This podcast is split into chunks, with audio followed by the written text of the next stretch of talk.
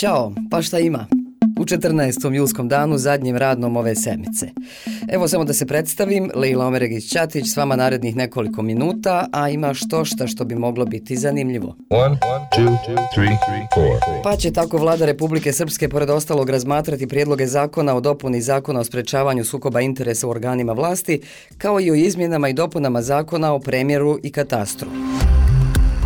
Ovo bi moglo biti interesantno, pa evo i to da kažem da svi oni koji imaju dobre ideje za održivi turizam, zelenu ekonomiju i preduzetništvo mogu da se uključe u takmičenje koje je otvorilo vijeće za regionalnu saradnju. U pitanju je regionalno takmičenje u najboljim digitalnim idejama i rješenjima pod nazivom Balkaton 4.0, čiji pobjednici mogu da osvoje mentorstvo, šansu da implementiraju svoje rješenje ili nagradu od 60.000 eura. Takmičenje traži pobjedničku ideju timova sa Zapadnog Balkana iz tri na početku ove vijesti pomenute kategorije.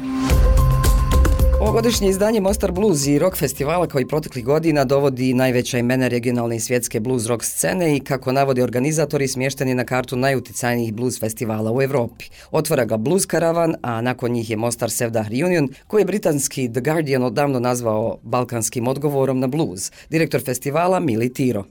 Koja je svjetski poznata i koja će na mostarskom koncertu izvesti stare hitove, ali i neke od novih radova koje su nedavno snimili. Prve večeri je i koncert američkog kanadskog gitariste, kažu jednog od najboljih svjetskih, Filipa Sejsa.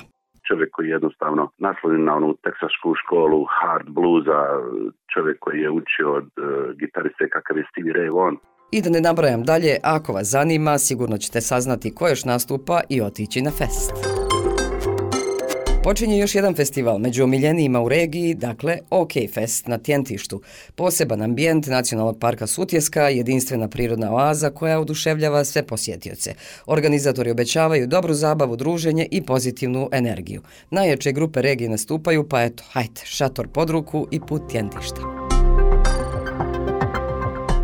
Alfred Nobel je tačno prije 156 godina prvi put demonstrirao svoj izum dinamit, dakle 14. jula 1867. u kamenolomu kod engleskog grada Red Hill. Želeći da se dinamit koristi isključivo u mirnodopske svrhe, Nobel je testamentom ostavio fond od 9 miliona i 200 hiljada dolara za dodjeljivanje nagrada za izuzetna dostignuća u fizici, hemiji, medicini, književnosti i zalaganju za mir. U testamentu je naveo da je njegova izričita želja da se pridodili ne gleda na pripadnost naciji, već da nagradu dobije najzaslužniji. I naravno da neću propustiti da nas sve upozorim na hodanje po visokim temperaturama, prženje na plažama ili u sred toplotnog vala obilaženje svjetskih znamenitosti. Reuters se juče objavio priču o tome iz Grčke gdje se prži na hiljade turista u redu za Atenski Akropolis, pa ih onda spašavaju medicinski radnici, a radnici Crvenog krsta dijele vodu i pamflete sa uputcima. Rekli su da je najmanje 20 ljudi liječeno od nesvjestica, vrtoglavice i mučnine.